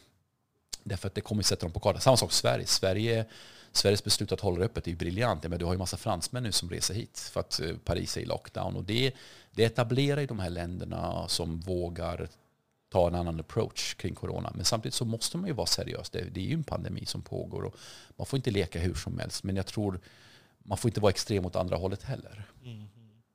Jag såg också att du är en av, är du coacher eller föreläsare på Antler? Jag är en av många entreprenörer som eh, coachar eh, de kommande vinnarna. Mm. Mm. Det är du, Ash Punori och... Jag tror vi är 40 pers. Ja. Jag, jag, är nog sämst av alla dem. Jag, jag, jag vet inte riktigt varför de frågar men det var Nej, det där är jättebra. jag, är, jag är glad och smickrad men, eh, men jag är nog den udda fågeln av alla dem. Nej, alltså jag, jag kände det när jag såg det. Jag bara, oh, men kul att Daniel ska vara med där. Jag måste få in honom här nu, ja. snabbt innan. Mm. Uh, men jag har ju varit på Antler. Mm. Uh, jag blev klar i var det februari eller mars. Mm. faktiskt. Men jag har ju gått sådana här program tidigare, mm. så att, uh, det är otroligt lärorikt. Mm. även om man har gjort samma sak så är det alltid någon som har ett eller två ord som kan skifta Exakt. allt. Och där har du, tror jag, där säger något jätteintressant. Därför att det, det, kan verkligen handla om ett ord, eller en blogg, eller en text eller en, en tweet som gör att hela ditt liv går åt ett helt annat håll. Mm. Ett samtal. Um, vad tyckte du om Antler? Vad, ska du göra någonting? Har du någon, någon företagsidé? Eller hur, vad kom du ur? Alltså nu hoppade jag... Nu, I vanliga fall så har de ju att du måste så här, gå igenom en appliceringsprocess. Mm. Och då, det är ju musiktester och allting. Liksom. Kolla mm. om du har liksom materialet att gå vidare och sen mm. om du har någon spetskompetens mm. och om du har något team behöver du inte ha, men du kan bara söka med någonting. Eller om du har en idé. Jag hade ju varit på Startup Stockholm tidigare, det var några år sedan. Mm. Uh, så att jag kunde ju grunden innan och jag har ju liksom följt Antler. Mm. Lika alla deras bilder. Och uh, vet du vad Brilliant Minds är? Absolut. Mm. Så att jag fick ju en inbjudan till Brilliant Minds att jag skulle få gå upp och tala på scenen. Wow. Och då var inte jag redo. Nej. Så jag var såhär, nej! Jag har liksom gjort så mycket du väsen. Nej, du tackade inte nej hoppas jag. Ja, men det var det jag gjorde. Nej, alltså, jag, jag, jag, visste inte vad jag skulle prata om. Nej. Så att jag, hade jag, jag hade Gamers Nutrition och mina kollegor hade liksom lämnat, vi hade krigat in i bolaget. Men du vet, alla är ju rädda. Alla är rädda för att jag gå på vet. scen. Det är, tror, och, tror du Daniel Ek och självförtroende står på scen? Eller? Det var efter den gången som jag bestämde mig för att jag ska aldrig mer inte vara redo. Mm. Men det var liksom så här, okej okay, om en vecka, Barack Obama kommer hit, Cardi mm. B kommer hit. Men du vet ju mer om Barack Obama. Ja, men hur som I ditt ämne så vet du alltid mer än den där som du tror att... Det, de flesta människor är bara vanliga människor. Jag vet, men jag hade ju inget ämne. Jag är bara all around. Jag var ju liksom... Det finns en orsak varför de frågade dig. Jag vet! Ja. Det här, det här, kommer, det här kommer du skriva i din, i din biografi, biografi. Men vi kan också säga så här. Du vet att Apple grundades av tre personer. Wozniak, Jobs och en till person. Och han sålde alla sina andelar för typ 400 000 dollar, som ändå är väldigt mycket pengar. Mm. Och alla bara säger att det hade varit 40 miljarder dollar. Han bara, ja ja, men jag är lycklig. Jag är fortfarande gift med min fru, jag har hälsan och jag slapp jobba med Steve Jobs. Så att, att tacka nej till en sån sak, det kanske lär dig någonting mer. Men till exempel nu, nu, nu tänker du the what if, right? Och det gör att du nästa gång kommer absolut inte tveka. Nästa mm. gång kommer du vara betydligt bättre förberedd. Och det är en del av livet. Men ibland så ska man säga nej om det inte känns rätt. Mm, mm. Nej, men jag, jag, där var det bara helt, jag vet inte, jag blev fan alltså. Fy. Och det var andra Farad skulle vara där mm. och det var massa som man liksom, vi har varit i samma kretsar ett mm. bra tag. Och det skulle mm. vara kul att nu får alla vi träffas här, vi som liksom har pratat med varandra, stött på varandra och gjort massa väsen. Men, eh, så därför så fick jag komma in på Antler. De visste ju vem jag var innan ja, och sådär. Så att, uh, det var kul. Det kan du ha på din CV. I refuse to speak at Backing Minds. I'm, the, I'm the only person who turned out. Barack Obama said yes because he's a sucker, but I turned him down. Det är, liksom så här, det, det, det, är, det är ganska häftigt. Ja, det är inte häftigt. Det, det är nästan häftigare nu när jag tänker efter att tacka nej till det än att, att, att, vara, en, att vara en av dem som stod på scen. Då hade ingen minnats dig. Jag, jag borde ha gått upp och skämt ut mig rejält. Prata liksom knackig engelska och bara visa mig. Så mm. är det ju. För att folk tycker ju om genuinitet. Ja. Så att det spelar ingen roll om man liksom skäms, ja då får man ju då är det någon som hjälper en. Men hade du gjort en dålig föreläsning eller dålig speech så hade du lärt dig extremt. Jag, jag var till bjuden att vara keynote speaker på någon webbgrej i Göteborg en gång och jag var så jäkla oförberedd. Jag var jetlaggad, jag var trött, jag var sjuk. Mina svärföräldrar var i publiken. Um, allt var fel. Jag kunde inte se mina slides i förväg. Jag hade kamlamporna i ansiktet så jag kunde inte läsa publiken så jag kunde inte få gehör. Och jag misslyckades kapitalt. Det var den sämsta föreläsningen jag någonsin gjort. Och sen efteråt så gjorde de dessutom en enkät som de skickade ut till alla talare. Jag var sämst. Jag var typ sist på en tre dagars seminarium. Allt var fel. Och grejen är att jag lärde mig mer av det än när jag har gjort någon jättesuccé och fått stående ovationer. Right? Att stå och skämmas och det är 2000 personer som tittar på dig och du får inte med dig publiken och du stakar dig. Det är, det är jäkligt humbling kan jag säga. Det är, det är en, det är en wake-up call. Mm. Det är en av anledningarna varför jag har podden också. Jag vill ju träna på uh, kunna agera live och kunna liksom, jag måste bli av med all skam. Mm. Det ska inte finnas någon skam kvar Bra. alls i kroppen. Uh, och jag tror att det är då man liksom kan vara sig själv och bara agera och vara bra. För jag mm. är bra naturligt. Mm. Uh, tycker jag. Nej, men du, får ju, du får ju tänka så här, du, du, inte, du kan inte ta ansvar hur folk reagerar kring någonting du säger. Jag menar, någon, någon kan misstolka dig, någon kan uh, använda ett ord och inte förstå det ordet, någon eh, tänker på någonting helt annat, någon har en helt annan historia. Du kan ju bara presentera din fakta, din realitet. Sen är det upp till mottagaren att ta till sig det eller ignorera den. Eller hata det eller älska det. Det är, liksom, det deras ansvar. Du kan ju bara, som nu till exempel det här samtalet som vi har. Jag, jag bryr mig inte om det är en person eller tio miljoner som lyssnar. Eh, klart jag bryr mig, men det är inte på det sättet. Utan jag, jag, jag säger det jag säger. Jag är den jag är.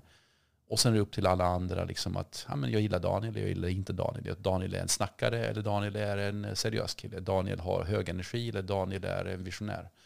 Um, det är jättelätt att trycka ner folk, det är jättelätt att dissa folk eh, och det är jättelätt att hylla uh, våra idoler. Men, men grejen är sanningen att alla kämpar, alla har dåliga dagar, alla är osäkra, alla, um, menar, alla är ju vanliga människor. Vissa har svårare dagar än andra, men i slutändan så har alla 24 timmar, alla har ett liv, alla har liksom så här basbehov de behöver täcka, liksom så här hunger, sömn, kärlek. Uh, resten är ju bara attribut.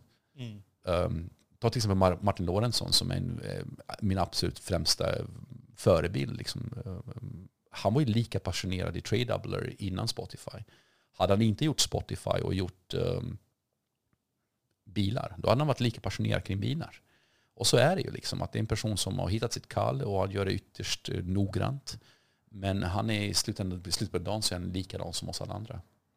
Har du träffat honom? Jag har träffat honom. Han, eh, jag har haft lite tur att han har gett mig eh, Arno väldigt tidig coachning. Och det bästa rådet han gav mig då, och jag, jag tror han har sagt det sen dess också i olika medier, är ju det här med problem. Är att många företagsledare, många som startar startups är ju rädda för problem.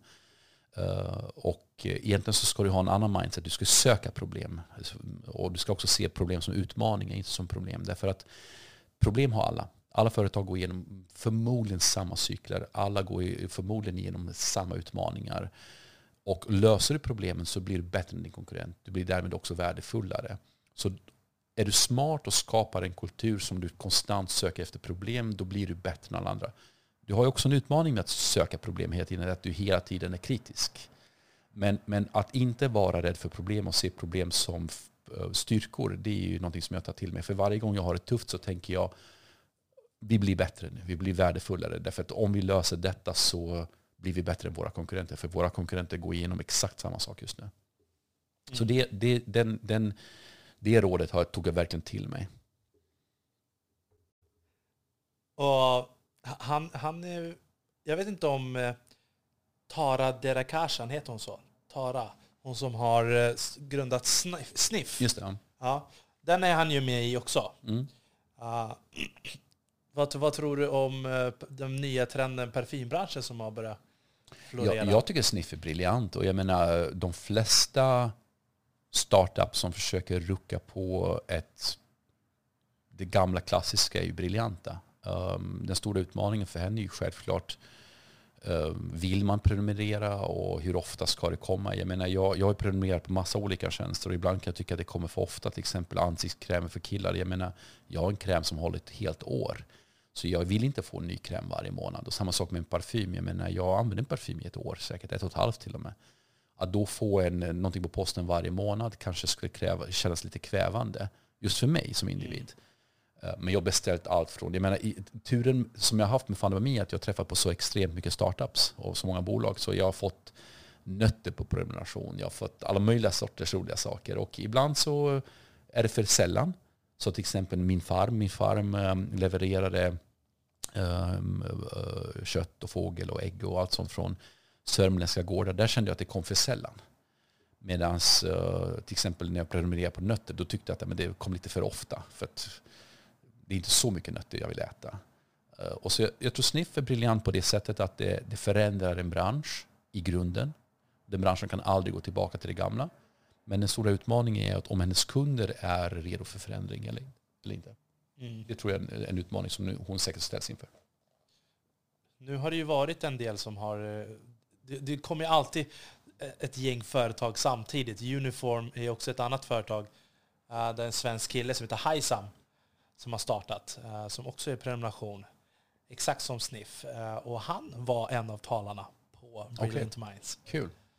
Men ta till exempel Outfitter, jag menar om du känner till det, det finns också sådär boxar för med kläder som kommer. Liksom. Och det är jättekul att få första och andra boxen, men sen är det inte lika kul längre. Mm. Det finns ju en orsak varför man shoppar på ett visst sätt. Så att men, men, men, men det är så mycket annat. Jag tror att ett, ett misstag som man ofta gör är att man ser på världen utifrån sina egna preferensramar. Det heter någonting preferential bias eller någonting. Där man tänker att jag har det här behovet, därmed borde alla andra ha det behovet. Jag har inte det här behovet, därför borde ingen annan ha behovet. Och så är inte världen. Världen består av miljontals individer. Och bara för att jag inte vill ha en matkasse hem, alla andra vill ha en matkasse. Right? Jag vill ha jag skulle till exempel älska att någon kommer och bäddar min säng. Den tjänsten finns inte, eller så finns den. Right? Men, men det är ju en risk som många gör fel. Eh, ett misstag som många gör att man tror att världen är på ett visst sätt därför att jag är på ett visst sätt. Och bygger ett bolag som då bara bettar på att alla andra är som du, då gör du ett misstag. Därför måste du ha en magkänsla, men sen också bygga upp det med datadrivna beslut. Mm. Eh, men det är klart det är mycket lättare att bygga någonting utifrån att jag ser ett problem och det här problemet bör börja fixas. Och om, om, jag kan, om jag kan lösa det här problemet för sådana som jag, då löser det säkert för andra och då finns det liksom tillväxtpotential. Har det varit något företag som liksom var inne och pitchade hos er som du såg direkt att det här kommer bli ett bra företag? Absolut. Alltså, uh, uh, Truecaller till exempel. De har inte pitchat hos oss, men det var en tävling en gång på eh, Waterfront. Det var någon sån här startup days. Och då hade vi donationsbaserad crowdfunding och då kunde man på en pitchtävling rösta på pitcherna på scen genom att donera pengar i realtid via sms. Så vi hade den tjänsten. Och då var Truecaller en av de som var på scenen och kände att det här är liksom rockstars by far. Man såg det. Uh, Adverty, uh, jag träffade Adverty innan det ens var ett aktiebolag. Och nu är de börsnoterade tre år senare, ett börsvärde över 300 miljoner kronor. Där man såg glimten i ögat. Man såg att det här är en person som ehm, är på en helt annan planet. Jag har sett många sådana. Eh, utmaningen för väldigt många av dessa är att ehm, på grund av att de inte kan accessa kapital så tenderar de att göra annat. Och det är bland den största tragiken jag sett. Liksom, att eh, vi har sjukt bra bolag och sen så eh, de får inga Vinnova-pengar medan andra får det. De får inga... Eh, Toffan, det var mig. Vad hade vi kunnat göra med 200 miljoner riskkapital från, från VC-branschen? Vi hade kunnat på riktigt förändra världen. Vi fick aldrig stora muskler. Så vi har hela tiden fått små pengar som har tagit oss lite grann framåt. Tänk om vi hade fått det här säcken pengar som många startups får. Med, med den timingen vi hade, med den hungern vi hade, med den potential vi hade. Hade vi fått VC-pengar då hade vi verkligen gjort en rejäl, då hade vi slagit Crowdcube by far. Det vet jag. Mm. Och sådana har jag sett många av. Sådana som bara, om ni bara hade haft en annan profil och ni hade fått VC-pengarna. Uh, jävlar vad ni hade lyckats bra. Men försökte ni någon gång? Gick ni till Backing Minds eller? Vi har varit på varenda möte. Jag har rest kors och tvärs. Jag har åkt till Sydafrika, jag har åkt till New York. Det finns nog ingen jag inte träffat och pitchat hos. Jag förstår inte, hur kan man inte ha fått det här i Sverige nu när alla låtsas som att de vill ge kapital till? Jag menar, vi var tidigt ute, vi var oprövade. Jag, är en rumänsk konstvetare, min, min kollega var en afrikansk medgrundare. Vi hade en udda produkt. Det är lätt i efterhand att se att det finns potential. Men när vi sökte pengarna då var det väldigt tidigt ute. Och sen så, jag menar, Fundami är ju framgångsrikt. Men är det framgångsrikt utifrån VC-segmentet? Nej, det är det inte. Mm. Vi omsatte ju 20-30 miljoner per år. Det är ju för lite för en VC. Um, framgång kan du mäta på olika sätt, men en VC bryr sig inte så mycket om vad du lyckas förändra kulturellt eller psykologiskt. De, de, de vill ha en utväxling på... De gör en unicorn. Ja, men exakt. För de har i sin tur pengar, så de har lovat till någon annan. De, har, de tar ju personsfonder och rika människors fonder och sina egna pengar och lovar guld och gröna skogar. De får ju väldigt, väldigt, väldigt bra betalt för att se till att kapitalet växer. Mm. Så de får inte betta på fel saker. Jag menar visst, de vet egentligen teoretiskt sett att det är en Spotify på tusen investeringar. Men helst vill de att varenda en ska vara en Spotify. Det är ingen som investerar i något som de inte tror på. Um, problemet vi har återigen är samma sak som jag nämnde tidigare. i den här ehm, Du tenderar att investera och umgås med människor som du. Så är du en vit man från Stureplan som inte träffar andra så har du en tendens att investera i andra män från Stureplan. Du, du har jättesvårt att investera i en kvinna eller i en invandrare eller i någon från Borås. Därför att du har inte den accessen. Du, du träffar inte ens den personen. Så till exempel det Back in Minds gjorde var ju briljant. Men vi ska titta utanför den klassiska normen. Eh, de har lyckats ganska bra med det tycker jag. Inte extremt bra, men till exempel Transfer Galaxy var ju en briljant find. Um, Dynamic Code var en briljant find. Man tänker utanför de vanliga referensramarna. Uh, och då lyckas du oftare om du, om du, om du uh, har den mindseten. Mm. Och jag kan säga att Transfer Galaxy, de sitter ju här bakom den här dörren. Ja, kul. och, och de, nu, hur mycket är klockan nu egentligen? Sju. Jag lovar dig, om vi skulle gå över dit så kommer de fortfarande sitta och jobba. Jag ser det. Så att alltid när jag Men du vet att Transfer Galaxy har knackat på varenda jäkla WC-dörr. De gick också till Creandum och Nordstrom. Tror du att Creandum Nords investerare? Mm. Exakt, så det, men det krävdes någon som Sara och, och, och Susanne från Back in Mind som hade typ en smartare tänk eller ett annat tänk eller en modigare uh, ambition. Men sen måste man ändå våga se till alltså, potential att faktiskt utbilda de här, om det är en kort... Alltså det är inte så svårt egentligen. När jag har gått de här utbildningarna, så tycker jag inte att det är så himla svårt att lära någon uh, vissa knep. Men då, då, låt oss ta Spotify som exempel. Ja, men Creandum skryter om att de var så himla snabba på bollen, de var först, de var tidigt ute. Right? Allt är toppen. Men sanningen är att det tog dem ett och ett halvt år att investera från first point of contact. Alltså från att de bestämde sig att det här verkar intressant till dess de gick in så tog det ett och ett halvt år. Hade Daniel Ek och Martin Lorentzon inte sålt tradedoubler, då hade de då hade inte sett Spotify. Så de här som eh, skryter om att de var riktigt, riktigt snabba och riktigt, riktigt tidiga och riktigt, riktigt modiga, egentligen var de inte det. Egentligen var de extremt sena på bollen. Um, och det måste man också ha i åtanke, att, att, att VC-branschen och bankvärlden, du får pengarna av dem när du inte behöver dem längre. När du har profitability, när du har ett team, när du har bränt dina egna pengar, men då kommer de gärna in och investerar. Jag menar, det är därför 99% av pengarna går till etablerade bolag. Mm. Det är jättelätt att ta in pengar om du är, har en stor vinstmarginal. Det är jättelätt att ta in pengar om du har en miljon användare. Eller inte jättelätt, men lättare. Mm. Är du en uh, underdog med ett konstigt efternamn eller du ska hitta på någon ny startup i ett udda segment, jag menar, då är det ju inte lika lätt. Men du måste ju sitta på eh, så värdefull data av liksom, vad är det för företag som du tror fungerar och vilka är rätt i tid. Som när vi startade Gamers Tuition, vi var ju lite för före tiden. Mm. Vi hade ju behövt ha en eh, mycket längre språngbräda och, Mm. och sådär. Jag hade ju bara så kul på vägen så att det, var, det fungerade för mig. Men mina delägare, de typ skutan höll på att gå sönder och vi höll på att gå i grund och jag stod där och bara hade kul medan Mm. mina kollegor drunknade. Mm. Så att, eh, Men hade du sagt till mig när vi startade Fundet att det skulle vara, ta tio år av mitt liv? Jag vet inte om jag hade gjort det. Eller jag hade förmodligen gjort det om jag hade fått reda på allt annat också. Att, ja, men du kommer ju göra massa spännande saker och allting. Men det är klart ingen som eh, förstår vidden av någonting som man går in i. Men det är som med allt annat i livet. Man ta ett förhållande, right? Du vet inte om det här tjejen du dejtar kommer vara din fru eller din uh, one night stand. Du måste chansa, du måste våga. Du går från en dejt till en annan, till en annan, till en annan. Jag jämför företagande väldigt, väldigt mycket just med relationer. Därför att det är som i vilken relation som helst. Först träffar du en okänd människa. Har du tur så börjar du dejta. Har du tur så blir det äktenskap. Har du tur så blir det bra äktenskap. Så är det också ett bra företag. Du börjar med slumpen med en idé. Det leder till någonting annat. En idé pivotar kanske. Kanske pivotar massa gånger. Ta Spotify återigen som exempel. Spotify var en videotjänst från början. Det var ingen som trodde på att de skulle lyckas med videotjänst. Så när de pivotade mot musikvärlden och insåg att amen, det är snabbare, det finns färre rättighetsinnehavare, mindre bandbredd. Det var ju guldet. Men, men, men Spotify från början var tänkt att vara en, um, um, en slags, det som Netflix blev så småningom mm. Och det har ju ryktats gång på gång om att Spotify ska gå in i video igen. Därför att nu har internet hunnit ifatt och bandbredden är billigare och de har koll på rättigheterna. Men de har inte gjort det ännu. Lite grann. De har ju lite videocontent också. Vad är det tuffaste beslutet du har tagit någon gång? Då? Jag tycker alltid att, att leka med folks liv är svårast. Liksom när man måste anställa någon eller sparka någon. Det, det tycker jag är vidrigt. Jag tycker inte alls det är kul. Så till exempel just under corona att, att, att, att fatta ett beslut att ja, men vi, det här går inte, vi måste skära ner. Vem skär du ner i? Eh, så besluten till exempel i mitt fall fattades väldigt mycket utifrån vem jag trodde hade bäst chans att snabbt eh, studsa tillbaka, alltså hitta ett bättre jobb.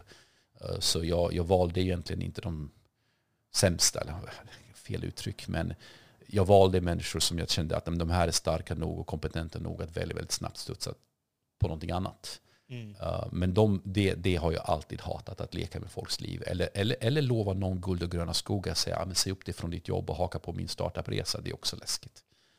Så att jag har alltid försökt säga, att men det här är verkligheten, det kommer vara tufft, det kommer vara intressant. Uh, och det är ditt egna beslut. Du får aldrig någonsin klandra mig för det här, utan det måste vara ditt egna beslut. Och du får ställa alla frågor du behöver för att kunna fatta ditt beslut. Men du måste, det här är ditt beslut. Och jag har tappat folk på vägen på det sättet att folk sagt nej men nu när jag har tänkt efter så kanske det inte låter lika kul. Jag hade kunnat köra någon så här Steve Jobs grej och säga vill du sälja sockervatten hela livet eller vill du förändra världen? Men eh, någonstans måste man också vara realistisk när man leker med folks liv. Så det, varit, det, det, det tycker jag nog att det, det var det svåraste. Alltså, jag tycker att vi har haft ett sånt härligt, fantastiskt samtal. Och vi skulle kunna sitta här i flera timmar till. Men eh, jag tänkte så här, om du skulle rekommendera någon till podden, vem, vem tror du skulle kunna... Bra. Så här på rak arm, du får nog klippa lite min eh, tanketid här. Men um, det är svårt. Mikaela Berglund. Mikaela Berglund. Mm, från, som, hon driver Feminvest. Hon är eh, en sjukt intressant människa. Folk ser ju bara hennes jobb i Feminvest, men eh, Jesus Christ, hon är min idol. Ja, har du träffat henne? Ja, ja alltså, Ja, vi har jobbat tillsammans. Jag, jag, jag, jag har anställt henne, vi har jobbat ihop och eh, hon fick ta över Feminvest eh, och drivit det. Och, ehm, hon, hon vet inte ens hur bra hon är. Alltså jag, jag följer henne och jag har ju följt dem också länge. Och alltså, jag är lite rädd för de här tjejerna för att de är sylvassa. Mm. Och det är läskigt och, och jag vet inte. Jag, jag har tänkt på många, det finns ju några tjejer som driver Business and Dreams också. Mm. Vet du vilka det är? Nej, Uh, Vendela Lillestråle och Camilla Lundin. just det. Ja. Mm. Och sen eh, en annan tjej som, vad hette hon nu igen? Anna. Som har en podd som heter Antilop. Anna Svan. Anna Svan. Mm. Hon är Så också, Anna Svan drev Feminvest innan vi Mm. köpte Feminvest av Laika. Och sen tog Mikaela över Feminvest. Mm. Så Anna Svan är också ett sånt här riktigt vass tjej. Ja. Fy fasen. Nej, men jag är rädd för tjejerna faktiskt. Och, och det har Nej, varit lite nej, svårt. nej, nej, det ska inte det vara. De är, de är jättecoola. De är pålästa, men man känner sig mer avslappnad när man liksom pratar. Jag kan ju ingenting om aktier och sånt, Mm. egentligen. Eller jag kan ingenting. Varför tror du att de kan mer än dig? Jag har ju hört hur de Jo, jo, pratar. men, det eh, är där, jag, de utbildar ju De, mig. de är mer passionerade i just sin sak. Jag slår vad om att du kan vissa saker bättre än dem. Och jag menar, man behöver inte kunna allt om allt för att... eh, Ja, men det, det är väl det som du sa, är syftet med din podcast är också att, att lära dig. Ja. Och jag menar, kan du det redan, då finns det inget syfte att lära sig. Så jag menar, det det är bra att du är ödmjuk, men jag tror nog att uh, intervjua dem inte för deras aktiekompetens, intervjua dem för deras passion och deras ehm, driv. Jag tycker både Anna och Mikaela är, ehm, är extremt drivna, extremt motiverade, extremt uh, noggranna.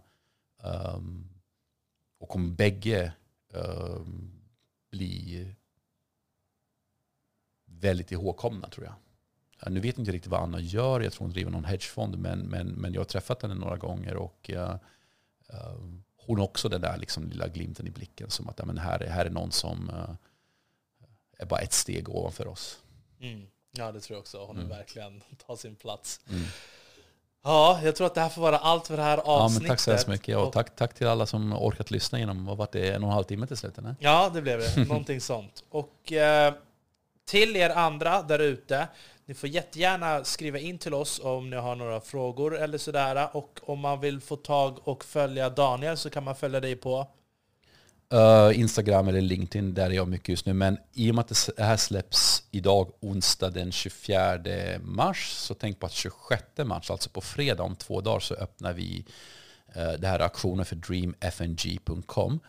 Um, ehm, så kolla gärna på det och dela det åt oss. Och om du tyckte om den här podden och du tyckte att jag sa någonting vettigt så eh, gör mig en tjänst och dela i dina sociala kanaler om uh, det här häftiga NFT-auktionen. Mm. Eh, Som sagt, även om vi bara får en bid på en krona så kommer vi vara nöjda därför att eh, att göra detta är intressantare än utfallet av auktionen. Jakten efter guld, mina vänner. Vi hörs igen nästa vecka med vänliga hälsningar. Armon Faltin.